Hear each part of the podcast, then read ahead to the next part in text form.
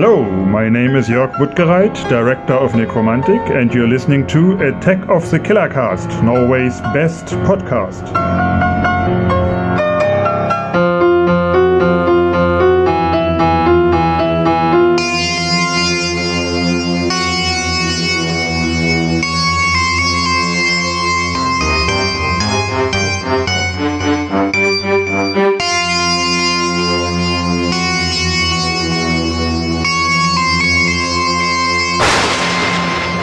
Hei og hjertelig velkommen til en ny episode av Attack of the Killer Cast. Norges eneste trash horror-podkast. En podkast om eh, skrekkfilmer, eh, kultfilmer og B-filmer. Og vi utgis i samarbeid med Filmfront. I studio sitter jeg, altså, Chris. Og Jørgen han er på eh, ferie i Thailand. Han har dratt for å finne seg en brud. Så som vikar har jeg med meg Kurt. Velkommen, Hei Kurt. hei sann, hei sann, takk for det. Takk. Eller vær så god. Hyggelig at du kunne ta turen. Ja, Åssen går, går det med deg, Kurt? Jo, det grer seg vel det. Ja. Eh, er slash Wember, og vi koser oss, vi. ja eh, vi skal jo se, Denne episoden her skal vi snakke om eh, Om topp ti slashere. da Det er på en måte en, eh, vår toppliste over de ti beste slasherne ifølge oss. da Så da har jo du og jeg, Jørgen, eh, lagd hver vår eh, topp ti-liste, og så har vi slått de sammen. Og det som da blir den eh, lista vi skal presentere for dere eh, på denne podkasten her, da. Ja. Men uh, siden, hva er det du har gjort i det siste? Har du gjort noe nevneverdig? Er det noe Nei, jeg har vel i grunnen bare sett film, da. eh, stort sett slasher, eller? Ja, prøve å bli litt up to date, da. Ja. Bli kjent med filmene på nytt, kanskje, eller se, noe, se noen jeg aldri har sett før, da. Mm. ja. Eh, Jeg har havna litt på TV-seriekjøret. Altså, jeg har sett litt på Arrow i det siste. Det har ikke noe med skrekkfilm å gjøre, sånn for så vidt. Du er der, ja. Uh, ja. Jeg er der, så jeg har ikke sett så mye uh, horror eh, i det siste. Og så, bortsett fra Ash vs. Evil Dead, da. Så Ja. er første sesong av Eller første episode av for en uke siden, og det, det var en serie som eh, lover uh, veldig bra, altså. Det var veldig bra ja, veldig bra sånn nerve i hele episoden her, og bra humor og, og kule effekter. Og Æsj er tilbake. Ja, det falt i smak. Det falt i smak, og det er jo en ny episode i kveld, så anbefaler alle lytterne å sjekke ut den, altså. Så uh, den kan jo ses uh, på lovlig vis, både på TV2 Sumo og eh, holdt på å si Filmnett, på Seymour sin streamingtjeneste. Jeg er litt usikker på om den går på Seymour-kanalen nå, men det gjør den helt sikkert. Men sjekk ut Ash vs. Evil Dead, Kurt. Ja, det skal vi gjøre, vet du. Ja, og lytterne også. Eh, Så Sam Raimi kan fortsatt mer enn å lage superheltfilmer. Ja, det kan den.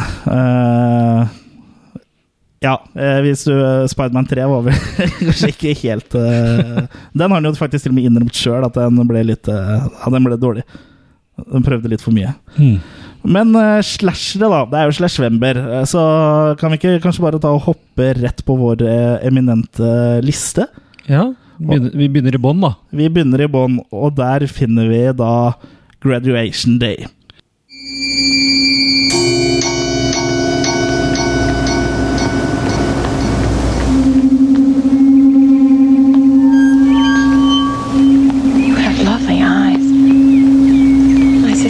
Eyes like yours. She's dead now.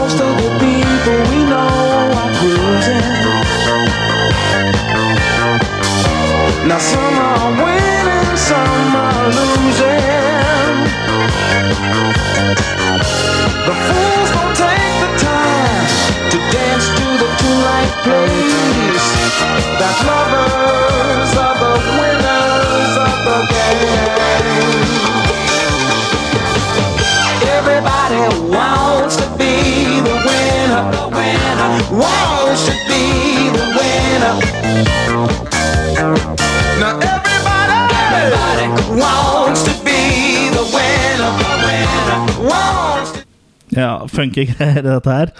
Fun- Eh, funka bra ja, Graduation Day, altså. Du, den er fra 1980 eller 81, det står litt forskjellige ting. Men uh, jeg tror den er fra 1980. Men regi er i hvert fall uh, ved Herb Freed. Litt Mm. usikker på om det er riktig uttalt. Han har vel ikke gjort altfor mye. Han har vel laga Beyond Evil, eh, blant annet. Ja, og var rimelig stilt på han både før og etter. Ja, Men uh, Graduation Day, da. Det handler jo i grove trekk om at etter en jente kollapser etter å ha løpt 200-meteren på 30 sekunder, så begynner en maskert morder å ta resten av løpelaget, da, for å kalle det Mm. av dage. Så de blir da drept én etter én. Og morderen vet jo ikke hvem er, så det er jo en sånn slags who done it-film her. Så Ja. må, man lurer stadig på hvem er morderen? Ikke sant? Er det den personen? Er det den personen? Så det blir litt sånn spennende sånn sett. Da. Litt sånn som en eh, krim eller giallo, på en måte. da Ja.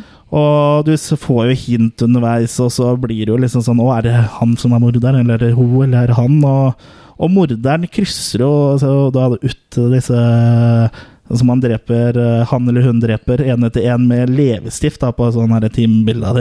Ja. Og det hele, alt det her skjer jo da tett opp under eh, graduation day, da. Og hvis jeg ikke husker helt feil, så er vel klimaks i filmen er vel på selve graduation day, Ja. Det, tror jeg. Jeg tror det starter en uke før, uh, før Graduation Day. Mm. Og når hun Laura blir drept, så kommer søstera hennes Anne hjem for Ja. å så ta imot hennes diplom og æresmedalje sånn post mortem, da. Ikke sant? Og mistanken går jo selvfølgelig litt eh, mot henne Mm. i løpet av filmen, i og med at eh, drapene liksom skjer samtidig med at hun kommer hjem. eh, Og nå skal ikke vi røpe hvem som er morderen, for da er det jo ikke noe vits i å se på Graduation Day. Men Nei. ja, hva syns vi om eh, Graduation Day, da? Ja, For min del så var jo dette her et nytt bekjentskap. Jeg så den jo nå nylig. Sånn i går, gjorde du ikke? Sånn i går, faktisk. Eh, og ble egentlig positivt overraska. Jeg syns det var en eh, underholdende film. Ja. Eh, tøysete til tider og mye rar skuespill og sånn som det skal være, men eh, i det store og det hele veldig underholdende og en veldig eh, energisk eh, siste halvtime. Ja, altså jeg ble egentlig hooka fra starten altså når det gjelder Graduation Day, for eh, starten er liksom sånn veldig kjapt klippa, og det er sånn kryssklipping, og det er eh, en sånn stil som var veldig atypisk for den tida der. altså Ting gikk liksom veldig fort, men eh, Mm. det går litt saktere sånn midtveis ut i filmen, før det liksom tar seg opp mot slutten. da Mm. men jeg syns liksom at det er den stilen der, og den har sånn spesiell stil, og så måten den er klippa på. Og ja, den har liksom eh, sin sjarm, da. Så jeg, jeg syns Graduation Day er en uh, slasher man bør få med seg Helt i klart. Slash-vember. Og den har jo alle klisjeene, liksom. Den har Ja. jo nakne damer og eh, oppfinnsomme kills og ja, Den har det en slasher skal ha, da. Ja, absolutt. Og så er det jo også en ung Linnea Quigley med i filmen her. Ikke så, minst. Så det, det blir aldri feil, det. Nei. Det er vel omtrent noe av det første hun, hun var med på, tror jeg. I hvert fall av sånn type film. I hvert fall av sånn type film. og Mm. Hun ble jo med på mange, for å si det sånn. Ja. Heldigvis. Hun var eh, filmens make-alibi, og hun ble faktisk henta inn kun fordi hun hun nekta ikke å kle av seg. Hun som egentlig skulle ha den rolla, Ja, ville ikke kle av seg. Ja, ikke sant. Mens Linnea, Linnea er eh, For hun er det helt greit. Ja, Og, og bra er det. Bra er det. ikke sant? Og så har vi jo eh, Christopher George, da, som Ja. eh, spiller uh, i filmen. Fra ja, annet City of the Living Dead og Exterminator og Pieces. Og en, en, en kjent figur. Som uh, spiller da um, um, gymlæreren. Ja, stemmer. Mm. Mm.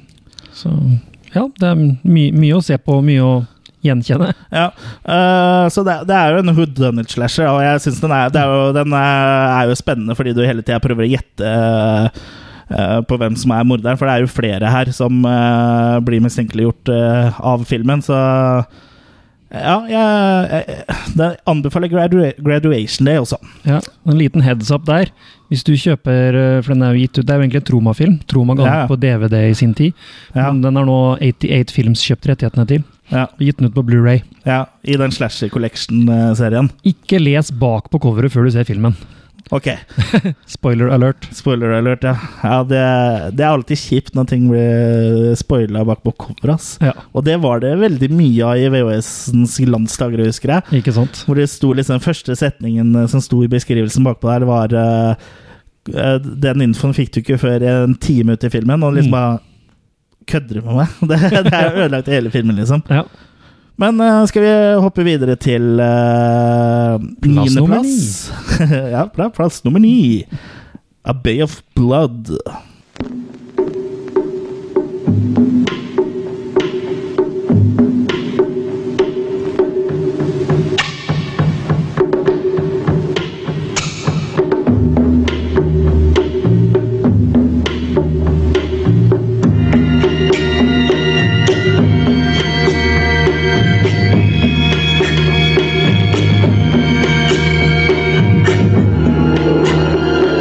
Ja, Bay of Blood, eller Reazione a Catena, eller hvordan man uttaler det, som heter på italiensk, fra Ja. 1971. Er jo regissert av vår godeste Mario, Mario Bava.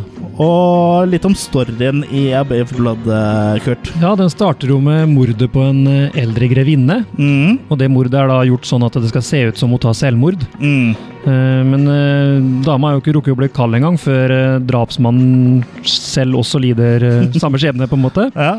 Så da blir det klart at det her dreier seg om arv, da. ja. Det er noen som vil ha kontrollen over en tomt ved The Bay, ved bukta, Ja. som hun da Eier. Ja, og da kommer jo plutselig inn eh, venner, slekt og en gruppe med ungdommer som klarer å rote seg bort på det området. Ja, og alle de eh, blir jo da tatt av dage. Ja, det blir eh, mulige mål for morderen. Ja, én etter én. Og her også er det jo i likhet med Graduation Day en sånn uh, who done it-film. For du vet jo aldri hvem morderen er her eller før uh, mot slutten av filmen. Ja. Og jeg syns jo A of Blood er jo en av mine Bava-favoritter. eh, absolutt. Det er jo en fantastisk eh, stemning der. Helt klart. Og så er den, den er full av twister, og bare, bare som du nevnte i starten, eh, så blir jo Uh, den så Morderen blir jo drept i starten. Uh, altså morderen som dreper grevinna. Altså det er liksom bare Her er jo liksom bare crazy twister, liksom. Ja, ja. Og ja, altså slutten av Graduation Day, jeg skal ikke si hva det er, men altså Nei. bare den nå kommer som lyn fra klar himmel, og er liksom ja, det er noe av det sprøeste slutten jeg har sett på en film i det hele tatt. Det er veldig sånn abrupt, bare. bare så, Det det. hva skjedde? Hva, Ja, ja. hva faen skjedde nå? What the Ja, WTF. Det, eh, Bay of Blood uh, så jeg faktisk på uh, date en gang.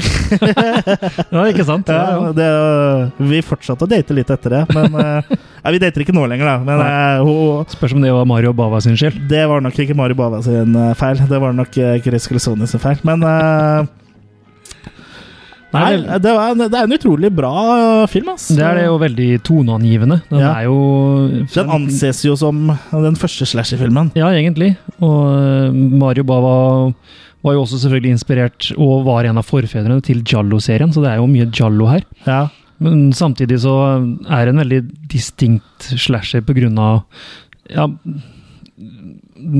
ungdom, nakenhet, mord, måten folk blir drept på, Ja. oppfinnsomme kills. Ja. Ja, ja, så Den ses jo på en måte som uh, en av forfedrene da, til uh, slasher-filmen. Mm. Uh, Peeping Tom var jo ute ja, ti år før, eller noe sånt. nå. Jeg husker Ja, ikke fem år, ja, noe sånt. Mm. Men uh, den er jo liksom ikke like mye slasher uh, som denne her, da. Nei da, du ser jo denne her er jo mye mer grafisk, selvfølgelig. Ja, og den er som sagt veldig toneangivende for slasher-sjangeren også. Mm. Eh, Fredag den 13. del 2 har jo kopiert to av killsa i den her nesten shot for shot. ja. Ja, Mm. eller shot for shot, da. Og det er jo også en film eh, i til, i, som er, i tillegg til å være bra, så har den jo også mange titler. Og det- Ja, den hadde vel en uoffisiell rekord, den. Jeg Ja. husker ikke hvor mange det var, men den var noe helt fantastisk. Han har iallfall syv titler bare i USA. ja. Men ingen av titlene er direkte oversatt det som originaltittelen på italiensk er, da. Nei, uh, Reazione a Setana, Ja. eller Setena, det betyr da Kjedereaksjon. Mm. Og jeg kan jo nevne noen av de titlene. Det er jo Carnage, Ja. Uh, Twitch of the Death Nerve. ja, den er kul, da. Ja, og Det var vel en tittel som Bava også mente den burde Eller som han mente den burde hete i USA. Ja. Mm. Og så har du Blood Bay, Bay of Blood, Ecology of Crime. Det høres ut som en dokumentar. Og så The Antecedent, eller Antecedent, uh, som jeg Ja, jeg vet ikke hva det betyr. Og ikke minst uh, The Last House of the Left Part 2. Ja, den er ikke bra. Ja, det er ikke bra, men det er, jo også typisk uh, italienske filmer Og at det er å ha en tittel som Ja, ja. er en slags oppfølger, uten at det har noe med originalfilmen å gjøre i det hele tatt. Ja, Never mind at han har gitt ut året før den, den han skal være oppfølger til, ja. Det, det, det, er- det er detaljer. Det er detaljer. Men ja, Bay of Blood, jeg syns det er uh, Helt klart. Og, den, absolutt en uh, god film, ass. og andre storheter som Dario Argento, Lucio Fulci, Dan- Joe Dante og Brian Di Palma er jo alle influert av, av den her, og av det Bava gjorde, så. Selvfølgelig. Skal vi eh, gå videre i lista vår, Kurt? Ja, plass nummer åtte. Tucker and Dale versus Evil. Oh, jeez. Whoa, Jesus. Did you see the way those guys looked at us? Who wants to go skinny dipping?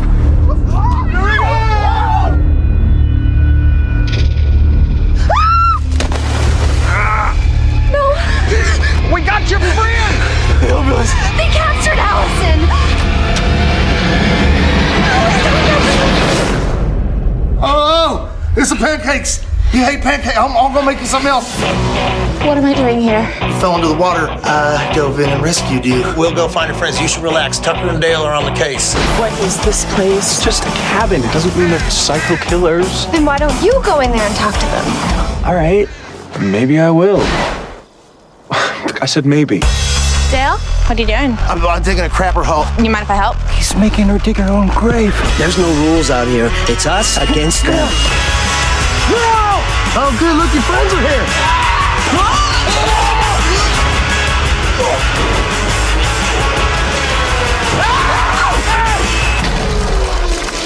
You okay? Run!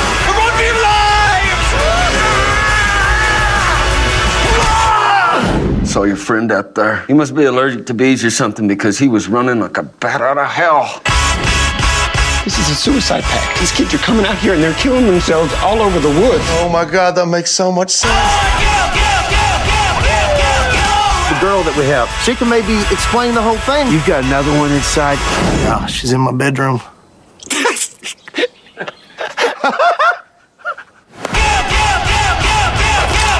Heads up. Oh, you gotta take the safety off on the side there. Don't do Have to start being more careful. Die, freak. Fire! Stop, stop, roll! No, don't, don't use that. Ja. Tucker and Dale versus Evil er altså fra 2010. Ja. Regissert av Eli Craig.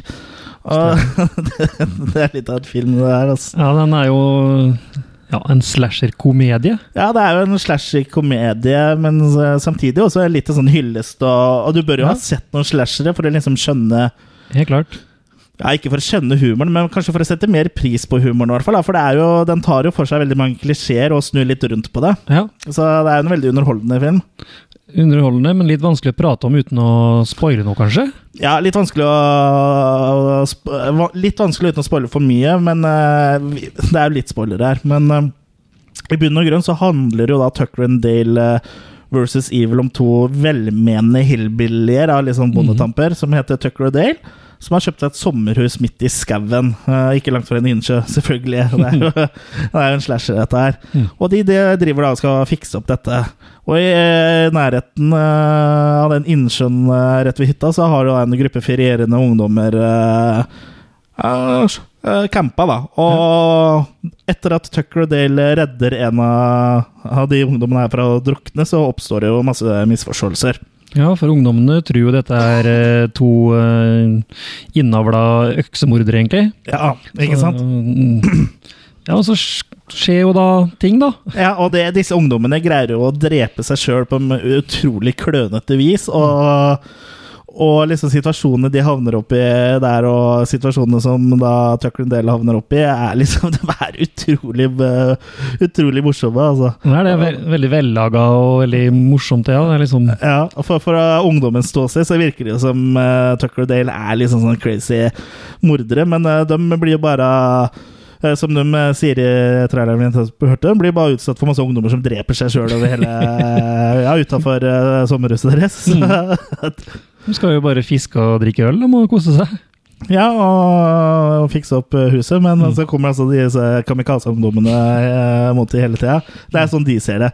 Og det er litt sånn artig twist eh, på det, for det kan jo hende at eh, disse, mange av disse slasher-villene bare er eh, misforståtte folk, liksom. Kanskje Leatherface og Jason som egentlig bare vil ha en klem, ja, kanskje og så bare snubler de over på macheta deres. Eller motorsaga. Da hadde iallfall mye sett annerledes ut.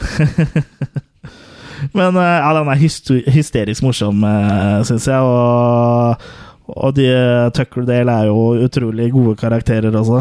Helt klart. Og den ble jo eh, en hit, så nå er det jo en oppfølger på vei, så da Ja, og det gleder jeg meg til. Håper den blir eh, like bra. mm. Og ja, den Den er veldig, veldig morsom. Og, er en av de mer vellykka av de nyere, iallfall. Av, av, I nyere tid. mm. Det er vel ingen som har sett seg for seg at vi skulle ha en film fra 2010 på den liste her. Fikk det til, vi. Vi fikk det til. vi fikk det til Men eh, samtidig som det er en uh, glitrende komedie, så var jeg var litt inne på det, så er det jo også en hyllest til slashere. Og det, det er gjort med kjærlighet, uh, dette her. De som har laga den komedien her, Eli Craig og teamet hans, de har sett mange slashere, og det er en sjanger de elsker. Og det, det er derfor de greier å gjøre det bra også. Og så tør de å ta den, ta den helt ut, rett og slett. Mm. Det, ja, det funker, det. Ja, det funker veldig bra. Så anbefaler Tucker and Dale versus Evil. Mm. Så da går vi til Nummer sju. Intruder. Good evening, Walnut Lake shoppers. It's closing time, The store will be closing in 15 minutes. But the night crew still has work to do. God, we're gonna get in so. Because there's one last customer who isn't satisfied. No, this creep keeps calling her. He's driving us nuts. Leave me alone. He wants to slash their prices. Who's there? He wants to cut their inventory. You're crazy. He wants Jeg kutter traileren der, for eh, i Intruder-traileren så er det faktisk en ganske stor spoiler. For det avsløres hvem uh, morderen er. Ja, det er For eh, det her er også en sånn who done it-slasher, da. Ja. Og nå er det jo bare lyd her, da, men eh, hvis du eh, du kjenner uh, Ja, du kan kanskje kjenne den på stemmen, så vi bare, jeg bare tenker at vi fader der. Eh, og ikke Så du skjønner kanskje, kjære lytter, hvis du skal, hvis du skal se Intruder fra 1989, så ikke se traileren først, for da blir alt avslørt. Mm.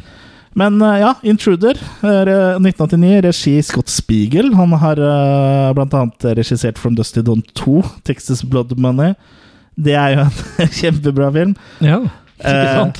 ikke, men Intruder er faktisk ganske bra.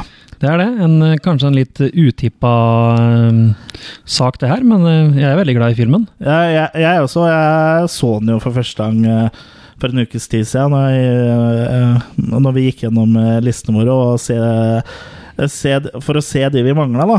Mm. Men eh, hva, hva handler Intruder om? Jo, det er jo en slasherfilm på et supermarked. Det er en gjeng ungdommer som skal jobbe nattskifte. Mm. Når en av damene der, Jennifer, får besøk av eksen sin Craig. Mm. Han kommer for å lage bråk. De påkaller sjefen, og de påkaller politiet på telefon.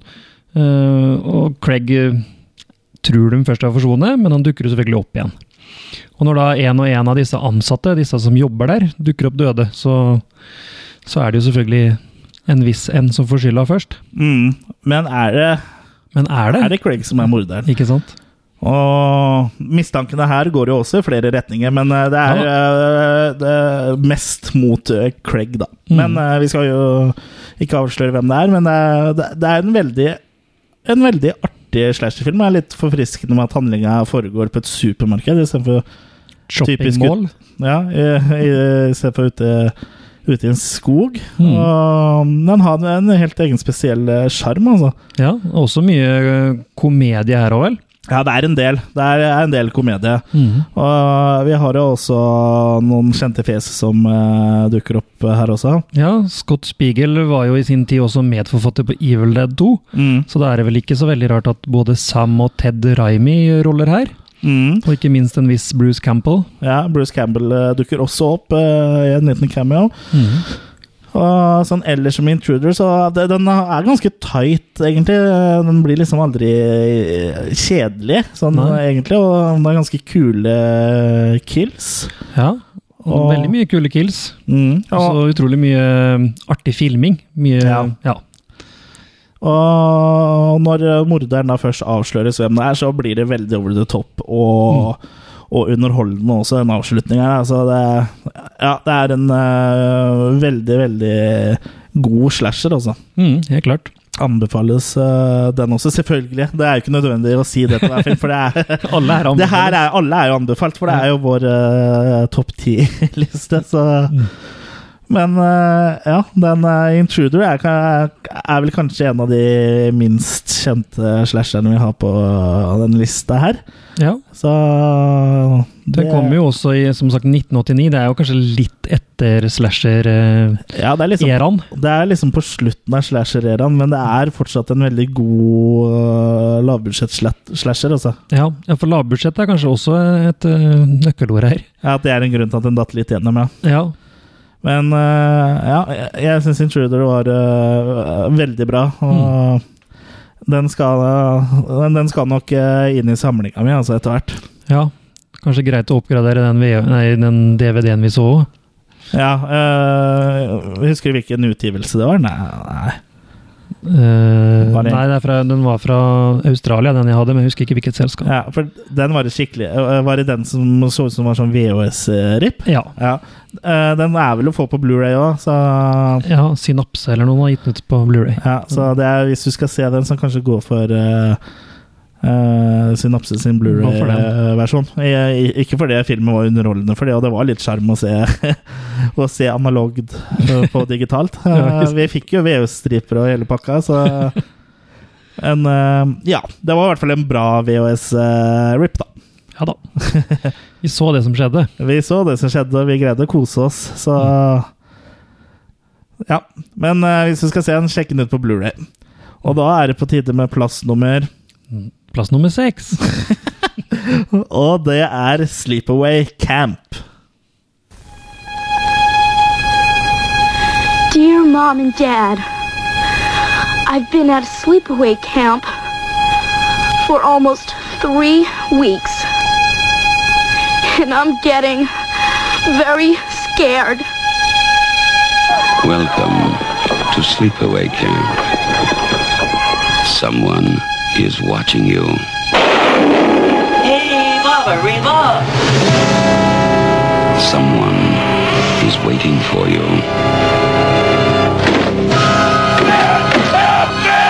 Someone wants to scare you to death.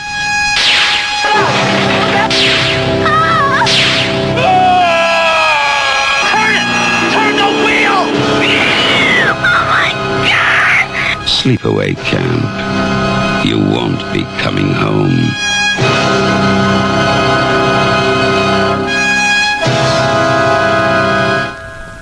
Ja, Sleepaway Camp 1983. Regi av Robert Hiltzik. Og sånn veldig grovt oppsummert så handler Sleepaway Camp eh, om en eh, traumatisert og litt sånn eh, forsiktig jente som heter Angela Baker. Eh, hun og hennes fetter blir sendt til sommerleir, og kort tid etter ankomst så begynner eh, da folk å dø. Ja, for hun Angela blir jo ja, rett og slett mobba, kan vi vel si. Ja, hun blir mobba, hun er et Ja. mobbeoffer der. Og hver gang noen er slemme, så Så dør de. Så dør de. Ja. Uh, det, det er en uh, Sleepaway Camp er en, uh, en av mine favoritter. Altså. Det, den er jo ikke perfekt på noen måte, eh, på, noen som helst måte, men den er veldig underholdende, syns jeg. Og det er, det er morsomme Det er morsomme kills, og det er liksom ganske cheesy skuespill. Og, og killsa er ikke så gæren. Og så er den jo utrolig erketypisk, da. Erketypisk, ja. Den har vel til og med litt eh, Den har, ripper vel av fredag den 13. et par ganger også. Ja, Blant annet eh, en scene hvor man er på sånn eh, pil- og bueskytebane, eller hva det heter for noe. Ja, ja. Eh, så, men eh, den er likevel noe for seg sjøl, altså. Eh, Og så har den veldig sånn um, Så jeg kalle det ungdomsfølelse. Ja. Film for ungdom, kanskje, mer enn Mm. Ja. Og ungdommen å føles som ungdom her, da, ikke Ja. som voksne som spiller ungdom. Det, det, det er jo en bra ting. Mm. Og, og så litt av kills eh, Favorittkillet mitt eh, Nå blir det litt spoiler her, men favorittkillet mitt eh, må være den pedofile kokken. Altså måten han blir drept på. som da får en sånn svær gryte over seg og bare ligger der og bobler og skriker mens du ser huden boble, liksom. Det er fantastisk, og det, det er både underholdende og liksom eh, Både bra laga, men også samtidig litt dårlig laga, og litt sånn dårlig cheesy skuespill. Men det bare bidrar til at det blir så utrolig bra, da. Ja, og så får du en følelse av at det her, så de som blir drept, de på en måte fortjener det, da. Ja, det, det gjør de. Og det er jo ikke alltid i andre slasherfilmer. Nei, du føler at de fortjener det. Og her er også, det her er jo også en sånn who done it-film. Du sitter og liksom lurer på Ja, ja. Eh, Prøver å gjette hvem det er gjennom hele filmen. Og mm. det beste med hele filmen må jo vi skal ikke røpe hva det er, men det er en twist på slutten her som er, det er vel noe av det mest fantastiske jeg har sett i en Ja, slasherfilm noensinne. Og det, det er verdt å se filmen bare for slutten, altså, for den er eh, Når den uh, twisten dukker opp, bare det, det, er mind blown, altså. Det, og det, det som er så bra, er at det, den twisten kommer, og så er filmen ferdig, liksom. Det, må- du bare sitter der og bare Hva faen er det jeg så nå? Helt klart. Uh, den er jo Og filmen ble jo såpass populær at eh, det må ha kosta på seg Er det tre oppfølgere nå? Ja, altså, det er vel to toere, er det ikke? Eller noe sånt? da? Ja, for det er vel det er liksom toeren og treeren, og så er det Return to, som det nyheter. da. Som på en måte er en toer, det òg. Ja, for der er jo noen skuespillere fra eneren tilbake igjen i den nye nå. Ja. Mens i toeren og treeren så er det jo søstera til Bruce Springsteen som har tatt over rolla som Angela Baker. Ja. Så Ja. eh, jeg har forstått det som at eh, den eh, nyeste er liksom den, en ny toer, på en måte. ja, stemmer det. Mm. Eh, Og de toeren og treeren nå tok jo det hele litt over i det mer komedieaspektet, da. mm. Sånn litt mer humor i det Ja, ja. i, ja, i hele greiene, egentlig. Kilsa og alt. Ja, og det, det trenger ikke være noe eh, dårlig greie, det. Men eh, det, som gjør Sleepaway Camp eh, bra, er jo den tvisten på slutten, og den, eh, den er jo Den kan de ikke gjøre flere ganger, for å si det sånn. Nei, men greia er at jeg måtte jo se disse filmene her igjen nå, for det var Ja. så lenge siden jeg hadde kun sett eneren. Og, Ja. uh, og jeg hadde glemt, glemt helt til slutten, ja, så jeg ble like overraska denne gangen. Ja, ja. Ja, ja. Jeg tenker på at eh, det, er liksom kanskje den riktige veien å gå, at oppfølgerne ble litt mer Ja, sånn, ja. komedier, da. Ja. Men ja. Nok en bra film der. Nok en bra film. Tenk det, det er veldig mange bra filmer på den uh, lista vår, altså. Um, men da skal vi til uh, rett og slett hoppe til uh, plass nummer Film nummer fem. Som da er en god klassiker, nemlig Halloween. Halloween night. A small American town. 15 years ago.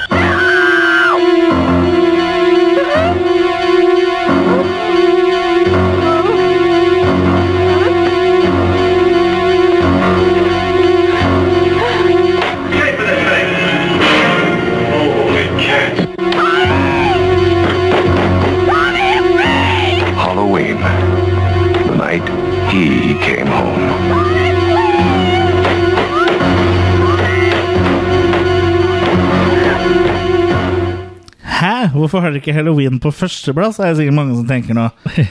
Selve erkeslasheren. Erkeslasheren, som på mange måter uh, I hvert fall kickstarta slasher-sjangeren.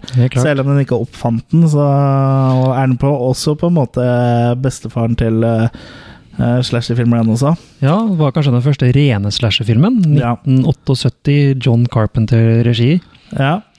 Eh, ja, det er jo en slasher som antakeligvis nesten alle har sett, eller i hvert fall hørt om.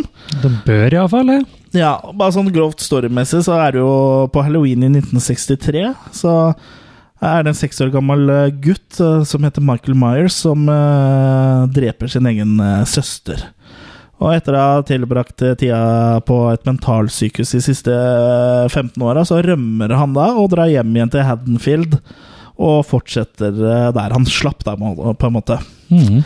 Han skal drepe mer på halloween. Og det her er jo en klassiker. Helt klart. Det er Helt fra starten av filmen så er den jo klassisk, liksom, med det, halloween-temaet og, og den gresskarlykta det zoomes inn på mens eh, fortekstene går. Mm. Så ja, det Ja, halloween. Antihelten Michael Myers med William Shatner-mask og Ja, Veldig sånn bleka, dårlig Ikke sant? Uh, William Shatner, ja. Og du har Jamie Lee Curtis som Scream Queen og ja. Det er jo Den, den starta liksom hele bølgen, ja. Ja. Eh, Jeg gjorde det, og så i tillegg til Jamie Lee Curtis, så har de også Donald Plessons da, eh, som eh, Dr. Loomis. Som Dr. Loomis, ja, som da er eh, psykiateren til Michael Myers, som da mm.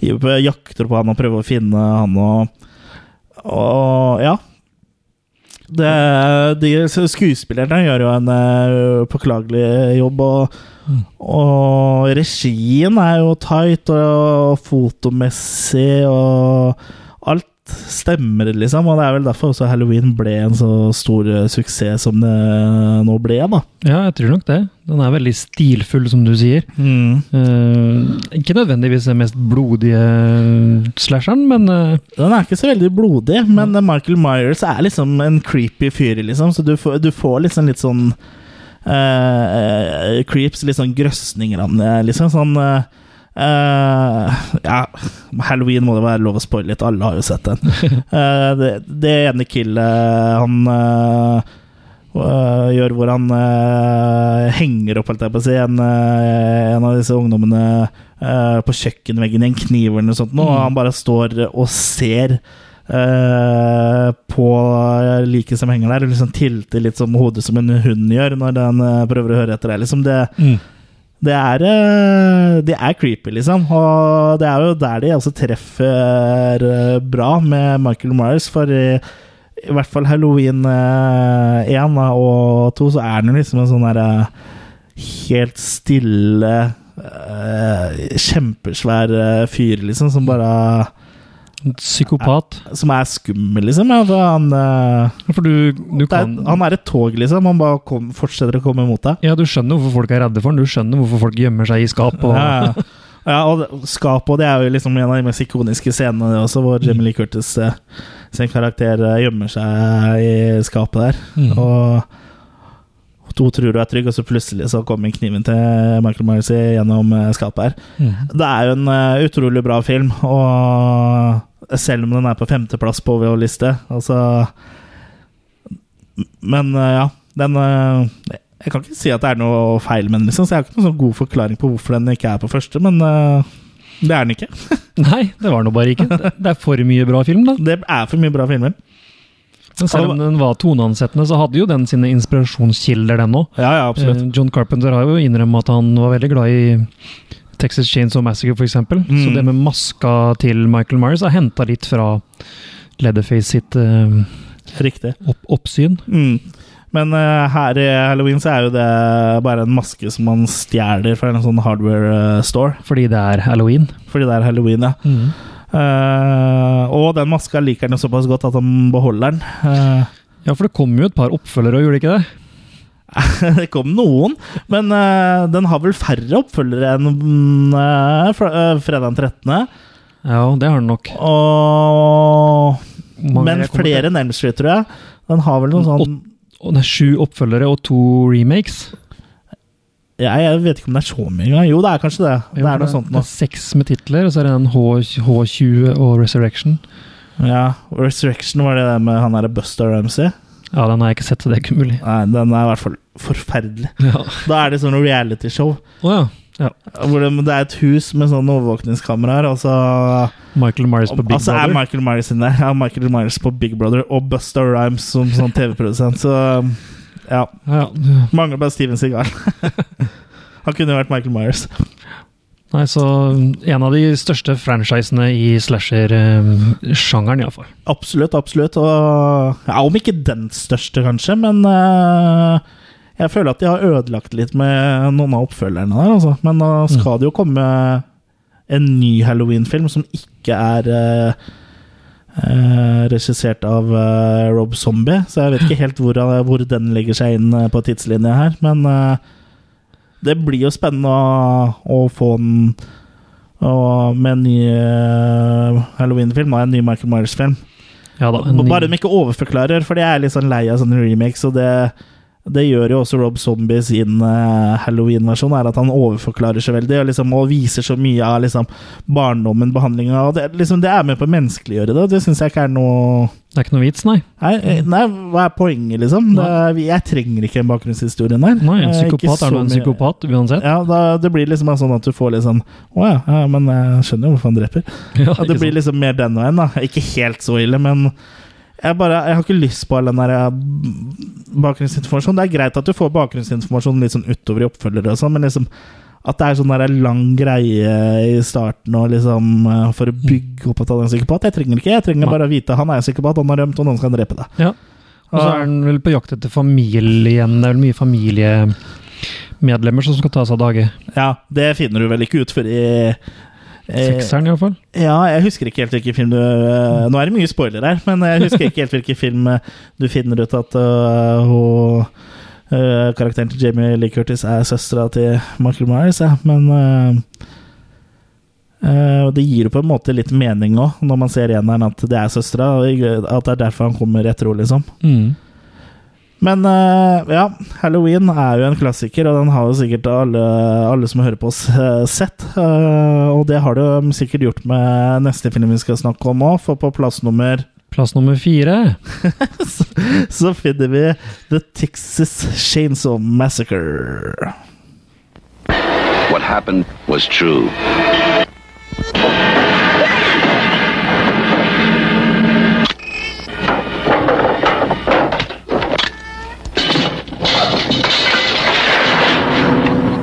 Bizarre and brutal series of crimes in America.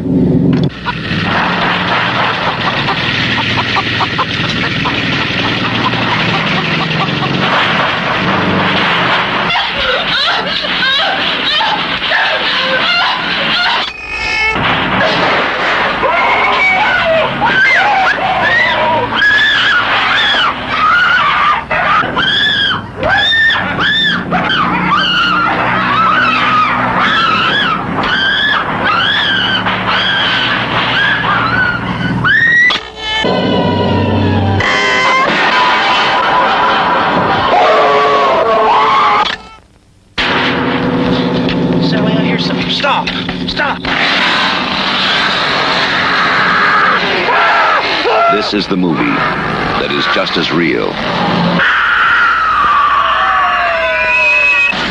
just as close, Crazy! You gotta stop! just as terrifying as being there. Even if one of them survives, what will be left? The Texas Chainsaw Massacre. After you stop screaming, you'll start talking about it. Texas Chainsaw Massacre fra 1974, regissert av Toby eller Tobe Hooper. Litt usikker på hvordan man uttaler uh, fornavnet hans, egentlig. Ja, det Tobe. To- Tobe. Uh, han har jo uh, regissert uh, mange andre filmer. Han For eksempel uh, Texas 2 uh, har han regissert. Ja, og en annen slasher-klassiker som heter The Funhouse. Mm, og selvfølgelig Poltergeist, uh, filmen som gjorde at han ga opp hele, hele faenskapet. Altså lage film. Sånn ja, Stort sett. Han har vel lagd noe etter det, men uh, jeg tror han ble litt lei av å ha Steven Spielberg uh, hovrende hoveren over seg. Han ble i hvert fall lei Hollywood. Ja, Uh, Steven Spielberg er jo Hollywood eh, på, på en måte. Uh, det her er jo en klassiker, og i dag, på søndag, som vi spiller inn den podkasten her, så fikk vi nyheten om at Gunnar Hansen, som spiller Leatherface, har gått bort. Ja, dessverre. Var det noe kreftgreier der òg. Han ble Ja, var det kreft, ja? Ja, For når jeg leste, så hadde det liksom ikke kommet fram den informasjonen ennå, men eh, pancre... Ja, et eller annet. Pancrea? ok. Ja. Han er i hvert fall død, og det er trist. Eh, Det har jo Det er mange store som dør for tida. Det er ikke så lenge siden West Craven uh, takka for seg. Og ja, det er, det er synd. Så, Det er trist. ja. Ble ikke så gammel heller, noen og 60 år. Jeg var ikke 68, kanskje? Jeg er, litt usikker. Men uansett, eh, Motorsagmassakren, som man da heter her i Norge, det er jo en, nok en ikonisk film. Veldig ikonisk, og den ble jo uh, gjenutgitt uh, Var det i år, eller var det i fjor? Uh, hvor den var på kino igjen. Ja, det var et godt spørsmål. Ja, vi har Ikke lenge siden, iallfall. Ikke lenge siden, i hvert fall. For vi, vi var jo så den, og det, vi har jo også en episode om The Texas Chainsaw Massacre, som det er Det er vel episode 16 av uh, podkasten vår, så det, den er verdt å sjekke ut. Uh, hvis du får litt sånn eh, Ja, hvis du vil eh, høre litt mer om eh, filmen og hva vi synes om den, da. Mm. Eh, men sånn storymessig, Kurt, så eh, hva handler uh, Texas Chainsaw Massacre om? Ja, det er jo en gjeng ungdommer da, som er uh, ute på en liten roadtrip. Oi, tenk seg til. Det skjer aldri, skjer Det skjer aldri skjer. Og så roter de seg litt bort, da, stakkars. Mm. Og så kommer de til huset til en uh, kjernesunne familien uh, med Leatherface og co. Ja, ikke sant. Eh, for grunnen til at de er på en roadtrip i utgangspunktet, er for å forsikre seg om at grava til bestefaren til to av karakterene er, er, står urørt, da, etter at det har vært en del likkjending i området. Og Hun tror hvem som har vært på ferde der.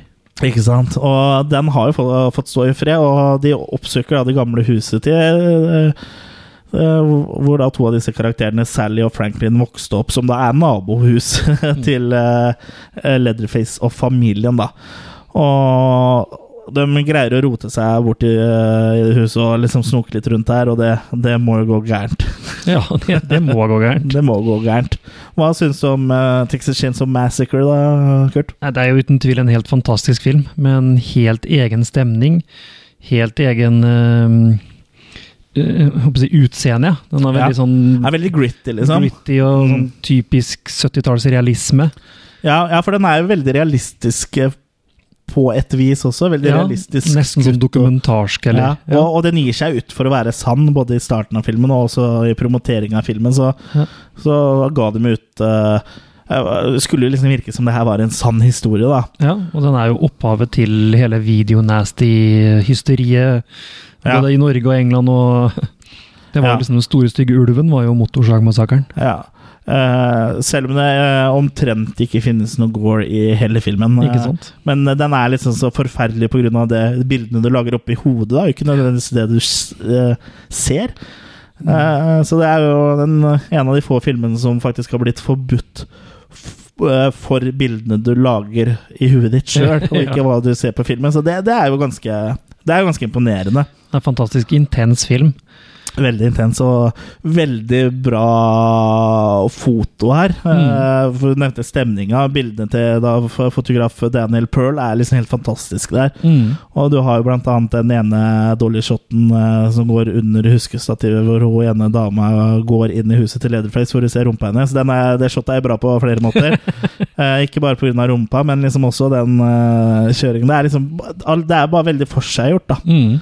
Og skuespillerne er er jo helt sinnssyke her. Eh, Gunnar Hansen som lederface eh, er jo ikonisk. Mm. Og så har du også resten av familien, eh, spilt av Jim Seedow, som er på en måte kokken i familien. Og så har vi Edwin Neal, som da ja, spiller en Han har vel ikke noe karakternavn i eneren, men han spiller jo en sånn haiker.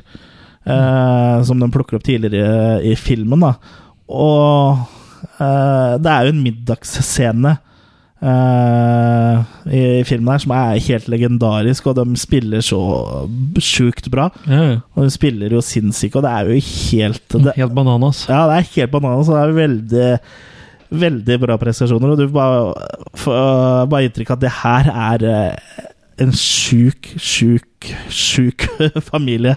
Men allikevel så er det kanskje mm, en av de filmene som du Du heier vel egentlig på morderen, på et vis?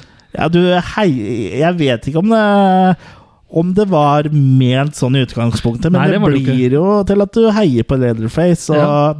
Det er jo én karakter som heter, Frank, han, som heter Franklin, som sitter i rullestol. Du jubler ganske greit når han blir drept, for han er jo utrolig provoserende. Han er sånn hele tiden sånn Nei! Bare syter og Nag, nag. Nag, nag, nag hele tida. Um, ja.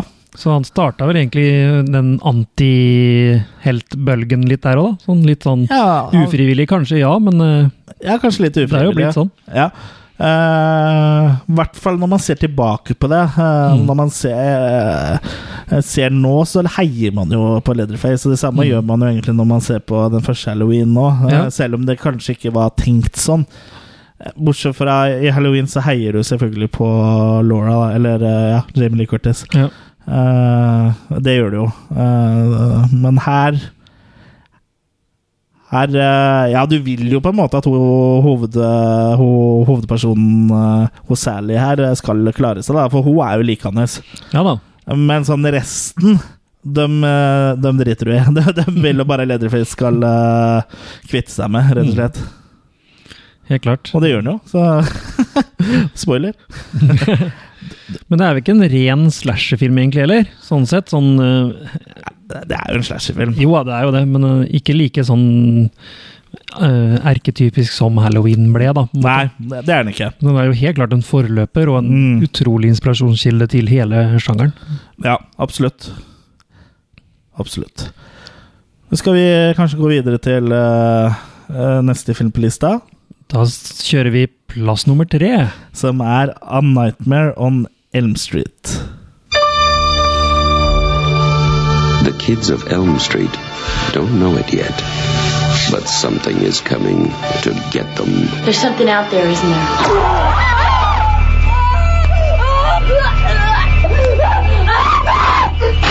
You could just see cuts happening. What did that, Lieutenant? I don't know. What's the coroner got to say? He's in the John puking since he saw it. You're gonna kill me for sure. Did you do it? There was somebody else there. He was locked in a room with a girl who went in alive and came out in a rubber bag. No one knows where it came from or who it will visit next. Nancy? There's something wrong with you. You're imagining things. Nightmare on Elm Street. Ah! Do you believe in the boogeyman? No. Whatever you do, don't fall asleep. No! She's the only one who can stop it. If she fails, I'm your boyfriend now, Nancy. no one will survive. Ah!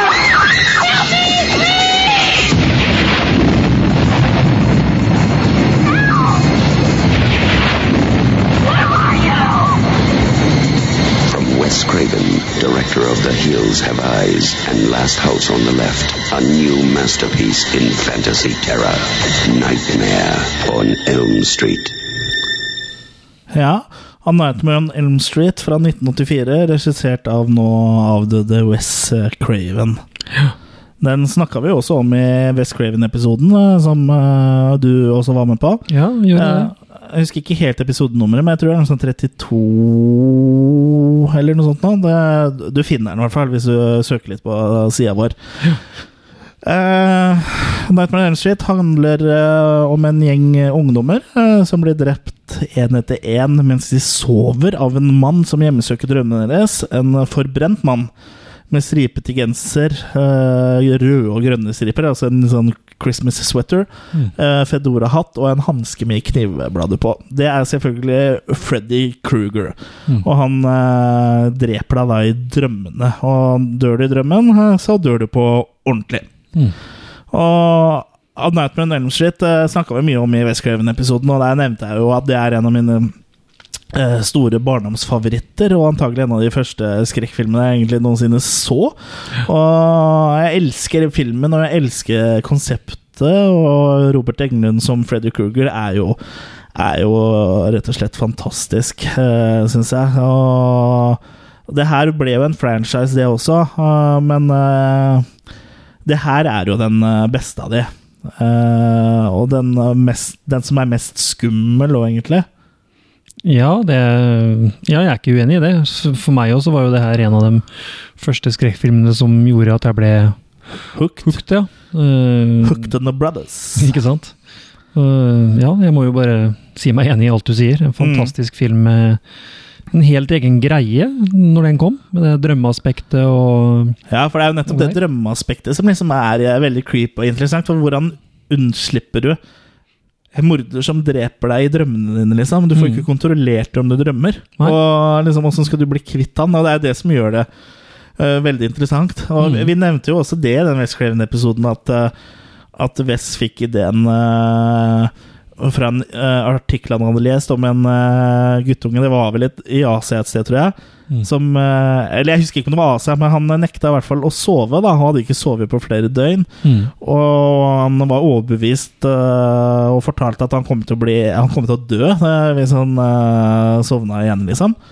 Og Han fikk rett. Han fikk rett. For foreldre fikk jo døtta inn sovepiller, og til slutt så sovna han i trappa. De fikk båret den opp i senga. Mm. Og samme natt så våkna han med et sånn grufullt uh, hyl, og de løp opp. Og i senga så lå han uh, da stein dau. Mm. Og de hadde jo da i i etterkant funnet liksom kaffetrakter inni skapet hans med en sånn skjult skjøteledning og og liksom, han, Hvor han da hadde drukket kaffe for å holde seg våken. Og han, han ville absolutt ikke sovne, da, for han var overbevist om at han skulle dø eh, i- søvne. Og det er jo det her som da liksom eh, gjorde at Wes uh, fikk uh, ideen til dette her, da. Mm. Og det er jo et, det er jo et veldig interessant konsept, og uh, så, som en slasherfilm så er jo mulighetene uendelige, liksom, for vi er jo i, i drømmeland, Ja. og der går allting an. Eh, de Men sånn- drar jo kanskje litt ut eh, senere i, i noen av filmene som kommer etter hvert, men her i eneren så syns jeg det er et konsept som virkelig fungerer, da. Ja, og så er det jo det er jo igjen gjennomgående bra film. Det er bra skrevet, bra regissert. Det er Bra skuespill. bra skuespill. Hedder Lagenkamp, eh, John Saxon, Ja. Johnny Depp. Ja, Johnny Depp debuterer jo her, Ja. eh, som skuespiller, da. ja. Og, og Heather Langenkampen, som du nevnte, er jo også veldig bra casta, liksom, Ja, ja. eh, som protagonisten Nancy. da Eh, For hun er liksom Samtidig som hun er sånn uskyldig sånn girl next door, så ser hun også at hun har litt mer i seg. Hun greier å liksom Hun har det i seg å fighte tilbake, da, men Ja. det ligger litt dypt, liksom. Men eh, du Når hun da liksom eh, tar opp kampen mot Freddy, så liksom eh, så er det logisk, da, på en måte, for hun er liksom Hun er eh, en bra blanding av skyldig uskyldig jente next door og en dame som liksom kicker ass når hun blir pressa til det. da Så har du litt den derre så- Du kaller det coming of age-mentaliteten. da. Ja, ja. At når du De voksne bryr seg ikke den voksne er ikke der og hjelper deg. Du må fighte sjøl. Ja, du må fighte sjøl, for de voksne tror ikke på deg. ikke sant? Mm. Og der har jo karakteren Nancy en eh, utvikling fra å liksom være et offer til å bli en som fighter tilbake, liksom. Mm. Uh, det er mye bra kills her òg, og, og det første kill eh, killet er jo noen av, en av de beste. er jo når hun første karakteren som dør, eh, Tina, blir kasta rundt i rommet mens hun sover. Og kjæresten står og ser på, liksom. Og det er jo utrolig, det er utrolig kult. ass. Ja, ja. Jeg husker jeg også gjorde inntrykk når jeg så på det på TV2 da jeg var guttunge. På, som en sånn sommerfilm, eller hva det var for noe. Det er ikke Johnny Depp som blir dratt ned i senga med reise-TV-en og alt som er. Jo, jo, jo. Oppkommer bare blodsprut en annen, ja. annen verden. ja. Fantastiske greier. Ja, det er utrolig gøy, og uh, Freddy Krueger er jo også creepy i den filmen her. Og, Ja. og når Heather uh, Langenkamp, uh, altså, sin karakter Nancy, sitter og liksom uh, holder på å duppe av når du sitter på skolen, liksom, plutselig dukker Freddy opp, og, sånn, uh, og så våkner du opp. Og det, det er liksom sånn Du vet liksom aldri om du er i, i drømmeland eller i the real world. Altså det, Mm. Ja, det er en eh, veldig bra film, uh, syns jeg. Det er eh, som sagt eh, en av favorittene mine. Flesteparten på lista her er jo det. Men, Ja, men det her er en som står mitt hjerte veldig, veldig nært, da. Dine herremakis nært. Ja, trygt planta mellom herremakisene mine. Nei da, det er en fantastisk film. Men her òg havner vi jo opp i oppfølgerhelvete etter hvert, da. ja eh, Det er ikke så mange av de Freddy-filmene som er sånn kjempebra. Det er vel en håndfull. Eller Ja en veldig, liten håndfull. Da. Det er jo eneren og treeren, og sjueren som liksom blir ansett som de, de beste. Eh, hvor da syveren er New Nightmare. Men eh, sånn i Killercast-redaksjonen så er vel jeg den eneste som liker New Nightmare, mener jeg husker. Jo, det var vel eneste som likte den så godt, i hvert fall. Ja. Men Eh, Men alle er, en, alle er enige om at uh, treeren, eh, Dream Warriors, er bra. Ja, ja. Men det er jo liksom, den er ikke så skummel lenger, da. Men det kom vel også både TV-serie og kom det en, en tegnefilmserie, på en måte? eller? Husker jeg feil der? En tegnefilmserie tror jeg ikke kom, men det kom jo en uh, TV-serie som het Freddy's Nightmares. Ja. eh, som på en måte var liksom uh, skumle historier presentert av Freddy Kruger. Da. Litt sånn som The Crypt Keeper Ja, sånn, var i Tales from the Crypt. Ja, ikke sant? Eh, men den ene episoden her handla jo om uh, rettssaken eh, eh, til Freddy Krueger Kruger. ja. Mm. Så den er litt interessant, men ellers er det litt sånn varierende eh, kvalitet på episodene. Ja. jeg tror jeg har én DVD med noen av episodene, men jeg tror ikke jeg har hele serien. Men det er, er det snakk om å lage en ny TV-serie nå, var det ikke det? I, forbindelse med at Noe Craven gikk bort, så var det noe nytt på tapetet der òg. Det jeg laget en remake, i hvert fall, men jeg husker ikke om det også var snakk om en remaken suger jo hesteballer. Det er det dårligste jeg har sett. Jeg gadd ikke å se den. Ja. Nei, den er ikke se den. Uh, Jørgen syns den er bra, uh, men uh, ja, det han, Jeg tror han bare skjønner ikke bedre enn det. Nei, men altså, det er ikke noe som er bra, men uh, Freddy makeupen ser jo helt uh, dustete ut. Eh, det ser ut som han er svenske fyren som eh, dro rundt og holdt foredrag uh, før, vet du, hvis du vet hvem jeg mener. Jeg husker ikke hva han heter. Nei, jeg husker ikke navnet hans, jeg vet hvem du mener. Ja, han ser ikke skummel ut, han. Han var ekte burn victim, da. Ja, han er ekte burn victim, men det er nettopp han er victim, liksom. Det, nå skal ikke jeg henge ut han, men jeg Nei, jeg kan bare henge ut Jørgen. Jeg kan henge ut Jørgen. det, er- det bør jo være lov. Når han syns det er bedre å dra til Thailand enn å være her og lage podkast med oss. Ja, om ikoniske skrekkfilmer. Ja, da kan faen meg ha det så godt. Drittsekk. Nei da. Nei, vi er glad i deg, vi, Jørgen. Ja, vi- er det. Vi er det. Uh, ja, men uh, er det noe særlig mer å si om uh, han Nightmare med Elm Street sånn egentlig? Det er alltid masse å si om Nightmare on Elm Street, Ja. men eh, nå er det vel egentlig på tide med Plass nummer to. Som da er Friday the 13th.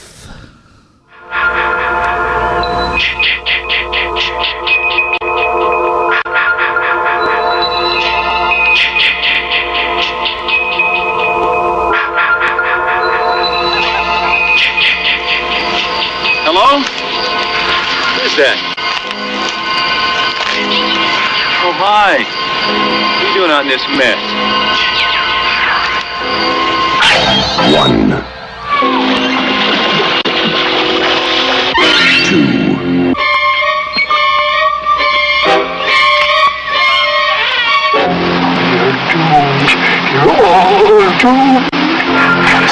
Three.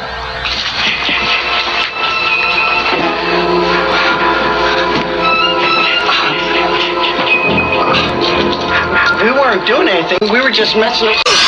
Four.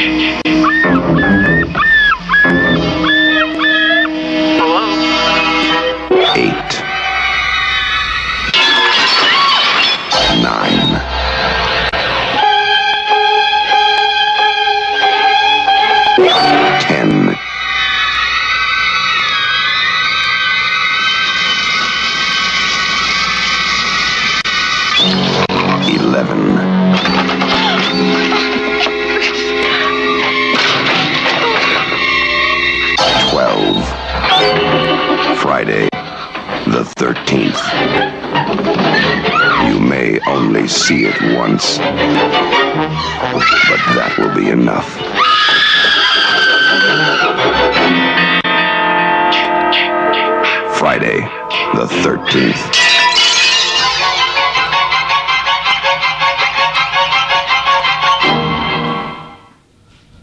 Ja. Fredag den 13., eller Friday the 13th. Ja. det er ikke så lett å si for en nordmann, det der. Fra 1980. Regissert av Sean S. Cunningham. La du merke til at de telte antall oppfølgere i eh, traileren? Det syns jeg var litt spesielt. ja, det var vel antall Ja, var det oppfølgeren, ja. ja. Uh, det var litt spesielt. Det var veldig lang trailer òg. Nei da, men eh, fra spøk til revolver. Ja, sommeren 1979 åpner Camp Crystal Lake igjen etter å ha vært stengt siden to leirledere ble drept for 21 år siden.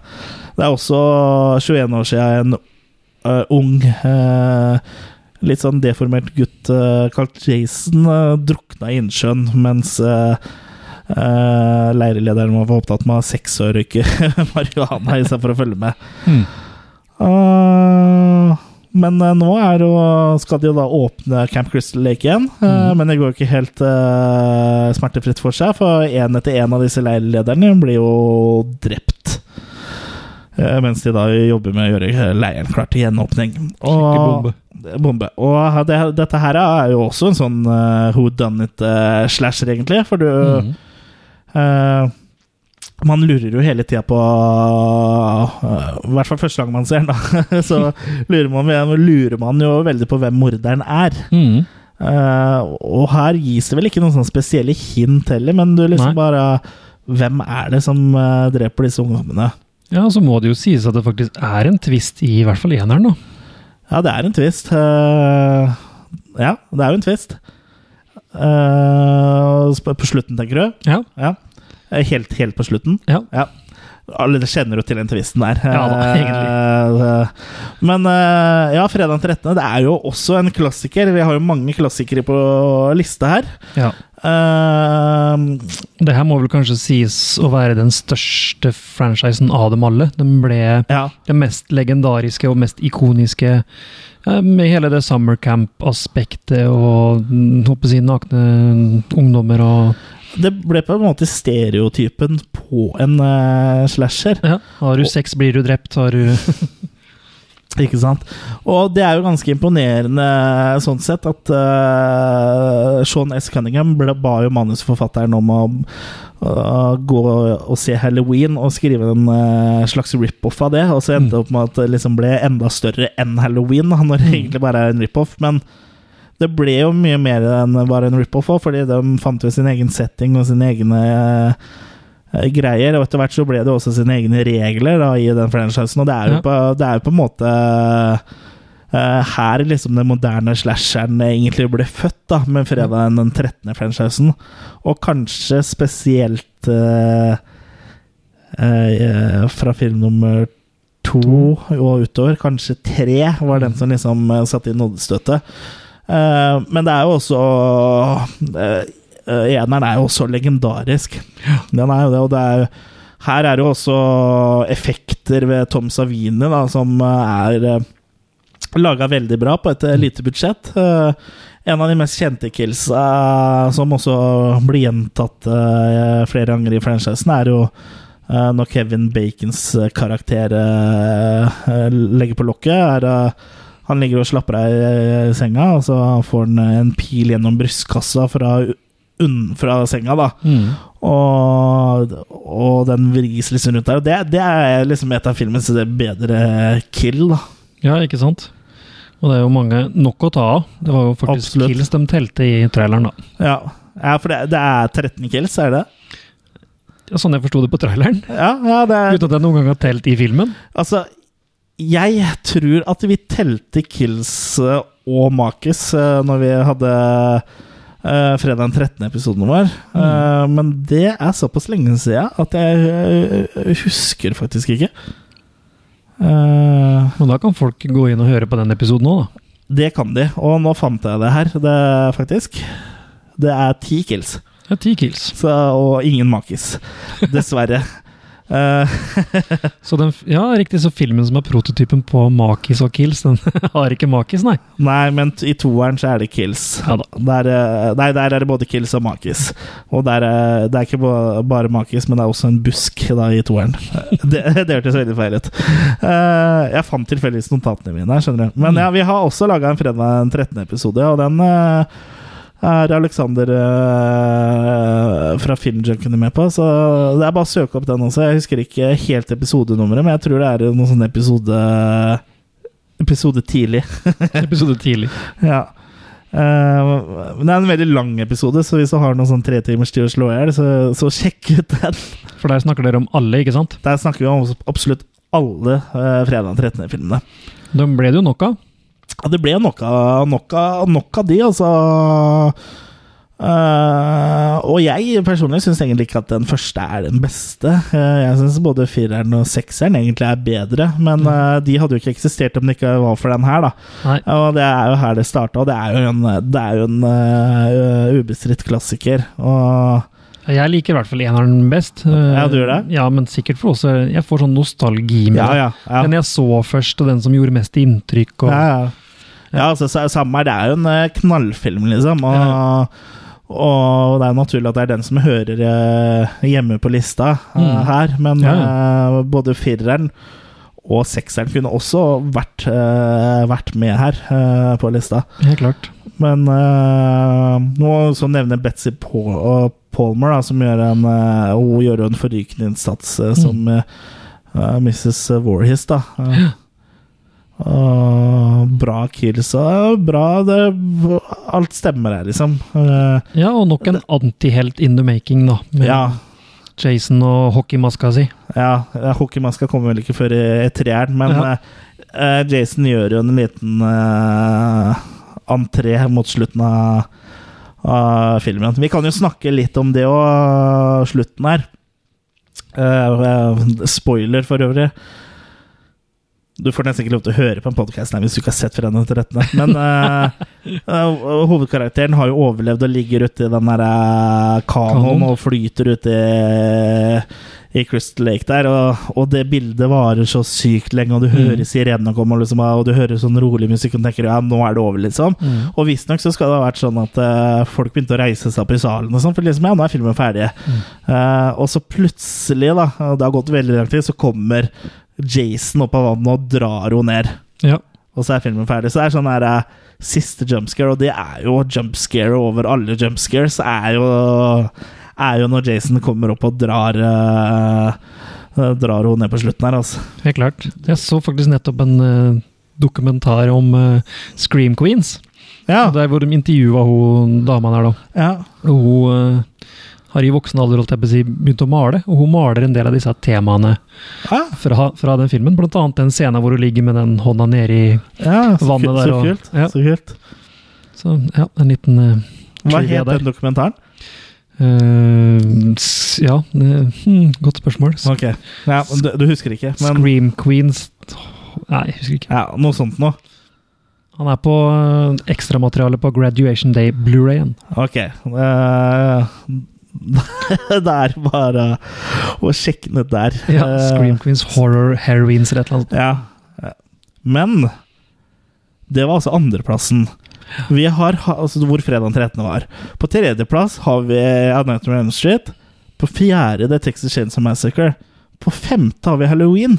Vi har nevnt liksom alle de store klassikerne. Hva i alle dager har vi på førsteplass?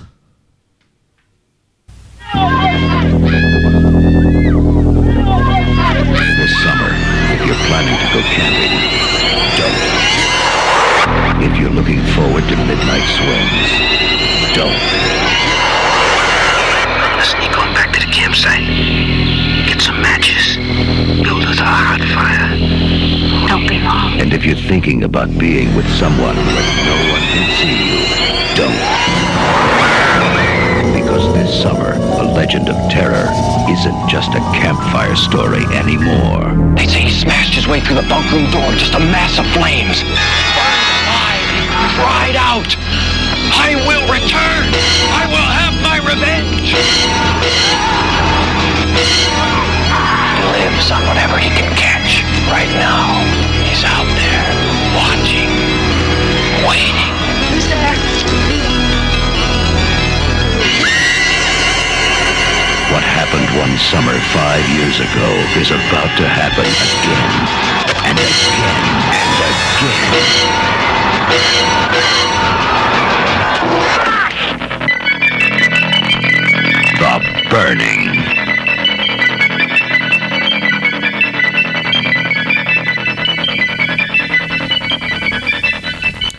Ja, som den oppmerksomme lytter kanskje har fått med seg, så er førsteplassen The Burning. Fra 1981, regissert av Tony Mailam. Ja, noe sånt noe. Mailam? Mailam? Nei, Mailam. Mailam.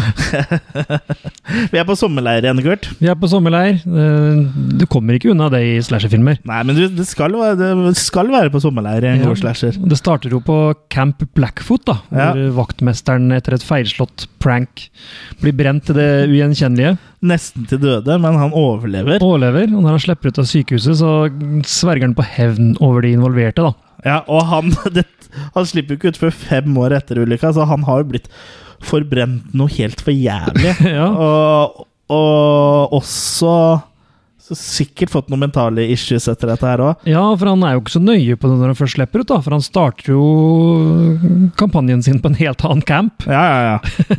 Men altså, han, jeg tenker han bare generelt eh, vil eh, ta hevn på liksom, de som alltid har mobba, for han, eh, han vaktmesteren er jo litt sånn uh, mildt tilbakestående.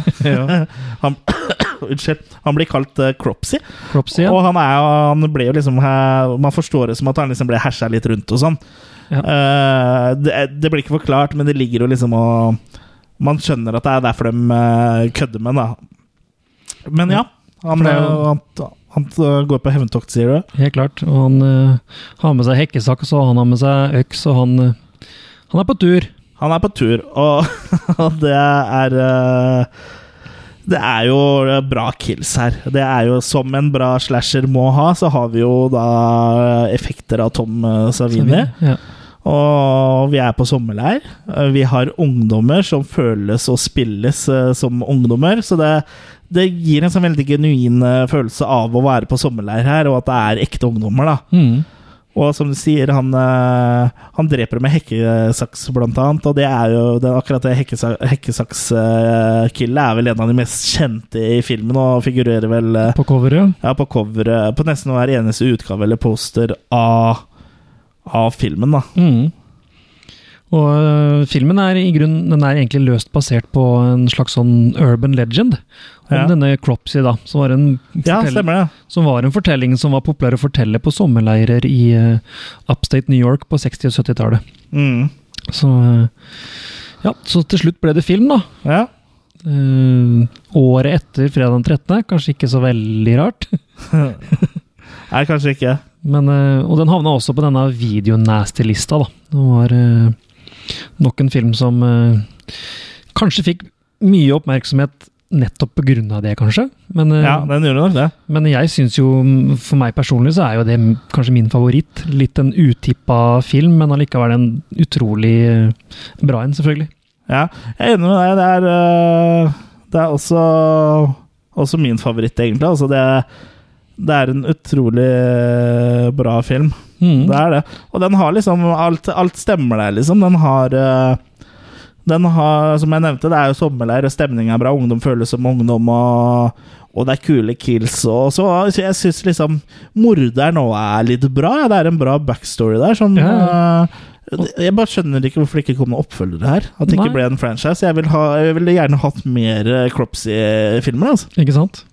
Og så er det jo det egenarten min er jo at du hele tida vet hvem morderen er, da. Ja. Det er jo aldri noe sånn derre who done it. Uh, Her er det ikke noe whodunit. Det blir jo litt sånn som en sånn Ja, sånn typisk slasher er, da, for du vet jo alltid hvem eh, antagonisten er, sånn stort sett, hvis det ikke er en whodunit, da. Og whodunit-slasher var egentlig mer sånn tidlig Ja, 70-talls. i- 70 og begynnelsen av 80 var liksom Mm. når slasher var sånn mysterier, da. Mens eller, liksom, i løpet av 80-tallet gikk det jo eh, over til å liksom bli sånn eh, du, vet hvem morderen er, liksom. Og Mm. du heier på morderen. Og morderen eh, ble jo heltene eh, til slutt, ikke sant? Ja. Filmen er også veldig bra score, da. Ja, absolutt. Lagd av Rick Wakeman fra Yes. Ja, ja. ja. Så det er han jo også litt sånn kjent for. Og så er det jo en tidlig film med Jason Alexander, som da spilte George Costanza. Ja, i, Seinfeld. I Seinfeld, ja. Og det Og det er så uvant å se den med hår. Ja. Men ellers så er den eh, Ellers så er den uh, seg sjøl lik, altså. Det er Ja. Men ja, det er veldig morsomt å, å, se- å, å se han, da. Det, ja, ikke minst. Som ungdom. som ungdom, ja. Og han gjør en god figur, han. Altså. Det ikke, men det er liksom ekstra morsomt at George Costanza er med. For eh, han kommer jo aldri til å være noen andre enn George Costanza. Det, sånn er det når du er med i en av de største sitcomene opp gjennom tidene i så mange år. Du får, får ikke noen andre jobber etterpå. Nei. Du gjør ikke det. Det Du, kom, du kommer aldri til å i hvert fall toppe det.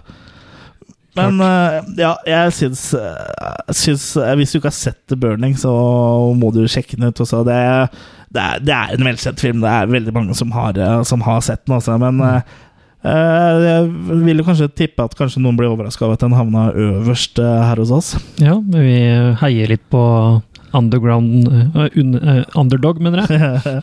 vi, vi gjør det. Og, og jeg syns det er en solid film òg, jeg. Så det er, Ja jeg er, liksom faktisk nesten litt bitter for at det ikke ble noen oppfølgere, sånn som jeg nevnte. Så jeg, jeg skjønner ikke hvorfor det aldri ble noen uh, The Burning 2. Nei, kanskje den ikke hadde helt den der ikoniske antihelten på den måten, da, sånn som Jason og Michael Myers og Ja, men Jason var jo på en måte ikke det til å begynne med, han heller. For han hadde nei, bare sant? en sånn der over huet, liksom. Stemmer det. Så de kunne jo liksom knadd den til å bli det, da. Ja da. For eh, her var det jo mye som allerede var på plass. En fyr som var forbrent. Det ble kanskje litt Mm. likt Freddy Krueger, da. Eh, I og med at han er forbrent, men Ja. samtidig så er det jo her in the real world, da. Ja, for det her var jo før Nightmare on Elm Street, så Ja, hvem tror du hadde vunnet av Cropsy og Freddy Krueger, da? Hvis det hadde vært liksom Cropsy versus Freddy? måtte Cropsy uh, drømt, da, eller åssen? Ja, ja i Freddy vs. Jason så Ja, både drømmer Jason og Freddy blir dratt ut til the real world. Vi satser på Cropsy siden han ligger på nummer én her. Ja, han er jo underdoggen, så uh, Cropsy hadde banka dritten ut av Freddy med hekkesaksa si. Gutten som kan summercamp. ja. Men uh, ja, da var vi gjennom uh, lista. Uh, Det vi. det har ikke vært lett å utforme en liste her. Vi har, det har jo tatt sin tid. Det har vært litt fram og tilbake, og, og det er jo mange filmer som ikke havna på lista uh, til slutt. Det er klart. uh, og sånn vil det jo alltid være, og dere som hører på, er jo sikkert uenige med oss. Og liksom, hvorfor hadde dere ikke med den, og hvorfor hadde dere ikke med den eller den? Men nå blir det jo sånn at vi kommer vel til å legge ut våre respektive lister på nettet sånn etter hvert. Ja. Så kan dere se liksom våre Hver vår enkelte uh, topp ti-liste, da. Mm. Og kan jo nevne et par av de som ikke eh, ble med, men som lå bobla oppunder. For det, det har jo vært Det har jo vært en tett kamp, det her. Ja, selv om vi var mye enige, så hadde vi jo selvfølgelig Vi våre andre favoritter òg, som uh, For eksempel Maniac eh, kom jo så vidt ikke med. ja, og April Fool's Day. Kom heller ikke med, nei. Og Hatchet, som er eh, en av mine favoritter, Mm. den eh, likte jo ikke noen av dere. Er du fortsatt bitter for, ja? Nei, eller Jørgen tror jeg ikke har sett den, men du likte ikke Hatchet. Ja, ja. Ja, ja, Ja, ja. ja, Og så uh, House and Sorority Row kom heller ikke med. Shards Play uh, kom heller ikke med. Ellers så var Black vi Christmas. Black Christmas kom heller ikke med, men ellers var vi enige i veldig mye her. Mm. Så det var en, det er en representativ liste. Absolutt. Så ja. Nei, er du, er du fornøyd, du, da? Jeg er veldig fornøyd, jeg, vet du. Ja.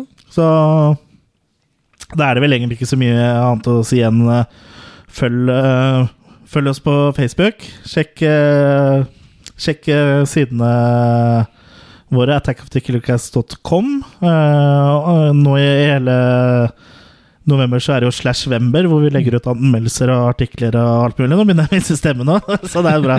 Episoden snart er over. Uh,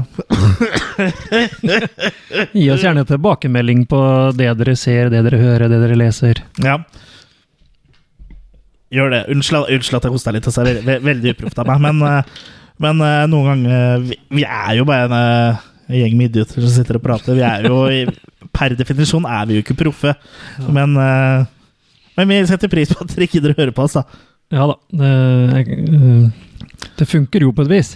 ja. eh, noen syns sikkert det. Men ja. neste gang er det jo fortsatt Slash Wember, eh, Kurt. Og Ja. Jørgen er fortsatt i Thailand. Ja. Så hva skal vi snakke om da? Nei, det blir vel noe Ing Ingmar Bergman-film, eller? Ja, det kunne vært det. Men vi ble ikke enige om at vi skulle snakke om uh, bloodsucking Pharaohs in Pittsburgh. Pittsburgh. Mm. Tenker vi satser på den, ja. Ja. Så hør på oss neste gang, for da snakker vi om uh, nettopp Bloodsucking Pharaohs from uh, Pittsburgh. Så fram til det så får dere ha det riktig så bra. Ha det bra! Tjalabais.